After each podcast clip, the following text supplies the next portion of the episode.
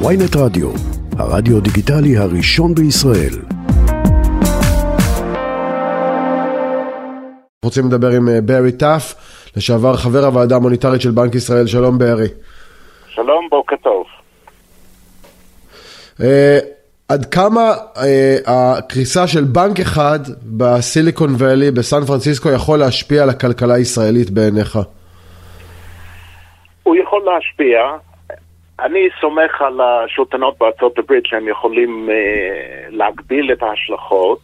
אני פחות סומך על הרשויות בישראל שהם יכולים לטפל בזה טוב.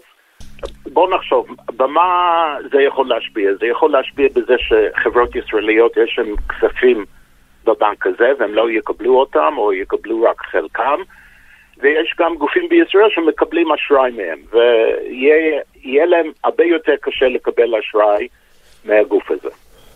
זה הנזק הישיר. עכשיו תגיד, מה קרה נניח, נניח, נניח חברה ישראלית שלקחה אשראי, כלומר שלקחה הלוואה מהבנק הזה אז בעצם היא נמצאת במצב דווקא לא רע, היא לקחה כסף ועכשיו השאלה היא למי היא צריכה להחזיר אותו נוכח הקריסה של הבנק. לא, לא, זה לא נכון, כי הם ידרשו על ידי רשויות בארצות הברית, אה, אה, כונס נכסים של הבנק ו-FDIC וכל שאר הגופים, להחזיר את כל ההלוואה. הם לא נהנים מזה, הם לא מרוויחים מזה, בכלל לא. הבנתי. איזה... ואז מה לדעתך הרשויות בישראל צריכות לעשות? סליחה? דיברת על הרשויות בישראל, מה לדעתך הרשויות בישראל צריכות לעשות? אמרת, אתה פחות סומך על הרשויות בישראל, מה הן כן צריכות לעשות לדעתך? טוב, זה ברור. בוא נגיד, אם קוראים את הכותרות הכלכליות הבוקר מכל העולם, כל הרשויות, הבנקים המרכזיים, שרי האוצר, רצים כדי להגביל את הנזק מהסיפור של סיליקון ואלי בנק. בישראל, לעומת זאת, הגופים רצים כל הזמן בקצב מהר כדי לגרום יותר ויותר נזק, וכמובן שאני מדבר על המהפך המשטרתי, שגורם נזק אדיר למשק הישראלי ולהייטק בפרט.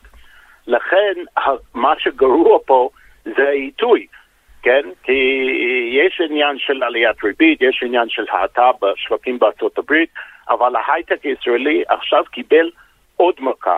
מכה מאוד חזק, הם בעצמם אומרים את זה, שזה ההשפעות וההשלכות של המהפך המשקת, המשקרית.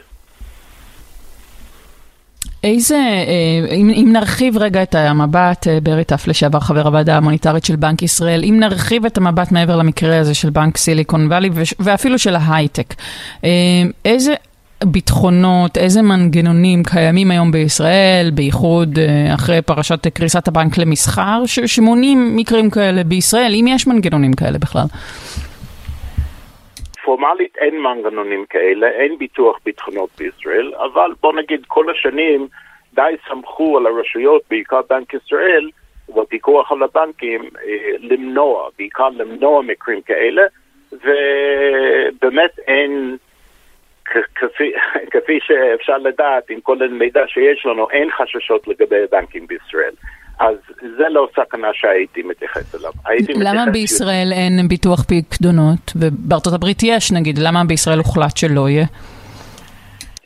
זה דיון שמתקיים כבר עשרות שנים בבנק ישראל וברשויות האחרות. יש סיבות כן לעשות ביטוח ביטחונות, יש סיבות לא לעשות את זה, אבל בעיקר לא היו צריכים את זה כי בפועל לא היו מקרים של קריסות בנקים בישראל שגורמו נזק מאוד גדול למפקידים.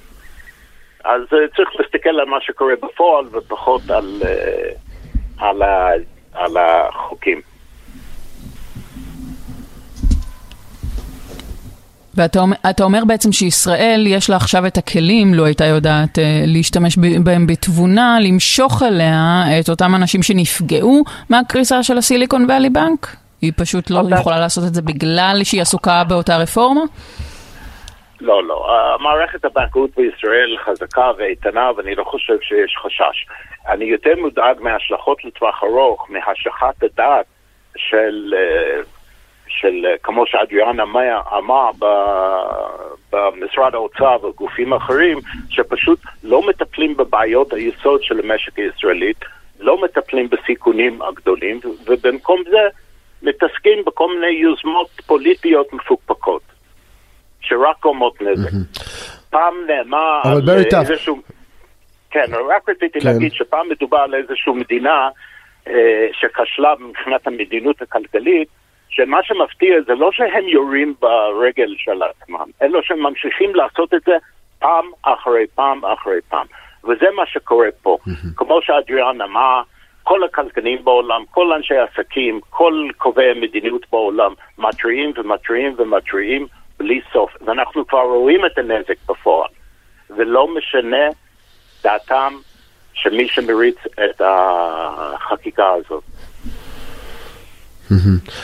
תראה, אני חייב לשאול אותך באליטף לשעבר חבר הוועדה המוניטרית של בנק ישראל. כשאנחנו שומעים פתאום על קריסה של בנק, שעוד פעם, לרוב הישראלים בכלל לא היה בנק מוכר, סיליקון ואלי בנק, זה בנק מאוד ספציפי, הוא עבד בעיקר עם חברות הייטק, הוא בטח לא מוכר לאזרח הנורמטיבי בישראל שלא מתעסק בהייטק או שיש לו סטארט-אפ. והשאלה אבל שעולה, הבנק נחשב בינינו לדבר כל כך יציב, שפ, ש, שהמחשבה הזאת שפתאום בתוך 24 שעות הוא הגיע לגירעון של מיליארד דולר, היא מטלטלת את המחשבה. ואני שואל אותך דווקא בתפיסה כוללת, האם הטלטלות בעולם, הכלכליות, יכולות להביא לעוד מקרים כאלה, ואולי זה רק אה, מהלך אחד ראשון שמבשר מפולת גדולה יותר אה, במערכת הבנקאות העולמית וההשפעה שלה על המערכת הישראלית. לא הייתי חושש ממפולת, כמו שאתה אומר. בהחלט יכול להיות עוד מקרים כאלה. Uh, העיקר זה, בוא נגיד, uh, לדעתי הגורם הבסיסי זאת מדיניות הריבית האפס שהתחולל נזק מאוד גדול שלא כל כך רואים אותו. יש איזשהו ביטוי מאוד uh, מוכר באנגלית, When the tide goes out, you see who is swimming naked. כלומר, כאשר הגאות נסוג, נסוג, אתה רואה מי שוחה עירום. זאת אומרת, ריבית, מדיניות הריבית האפס כיסה הרבה מאוד אה, חטאים וניהול לא תקין בחברות, ועכשיו זה יחשוף את זה. זה יכול להיות דווקא תהליך מאוד בריא, שיביא לתוצאות טובות. כמובן שיהיה נזק בדרך. לגבי מדינת ישראל, אה, הנזק העיקר זה נזק עקיף, מה שקורה בשווקים בעולם. Mm-hmm. אני לא חושש מהאיתנות של מערכת הפיננסית בישראל.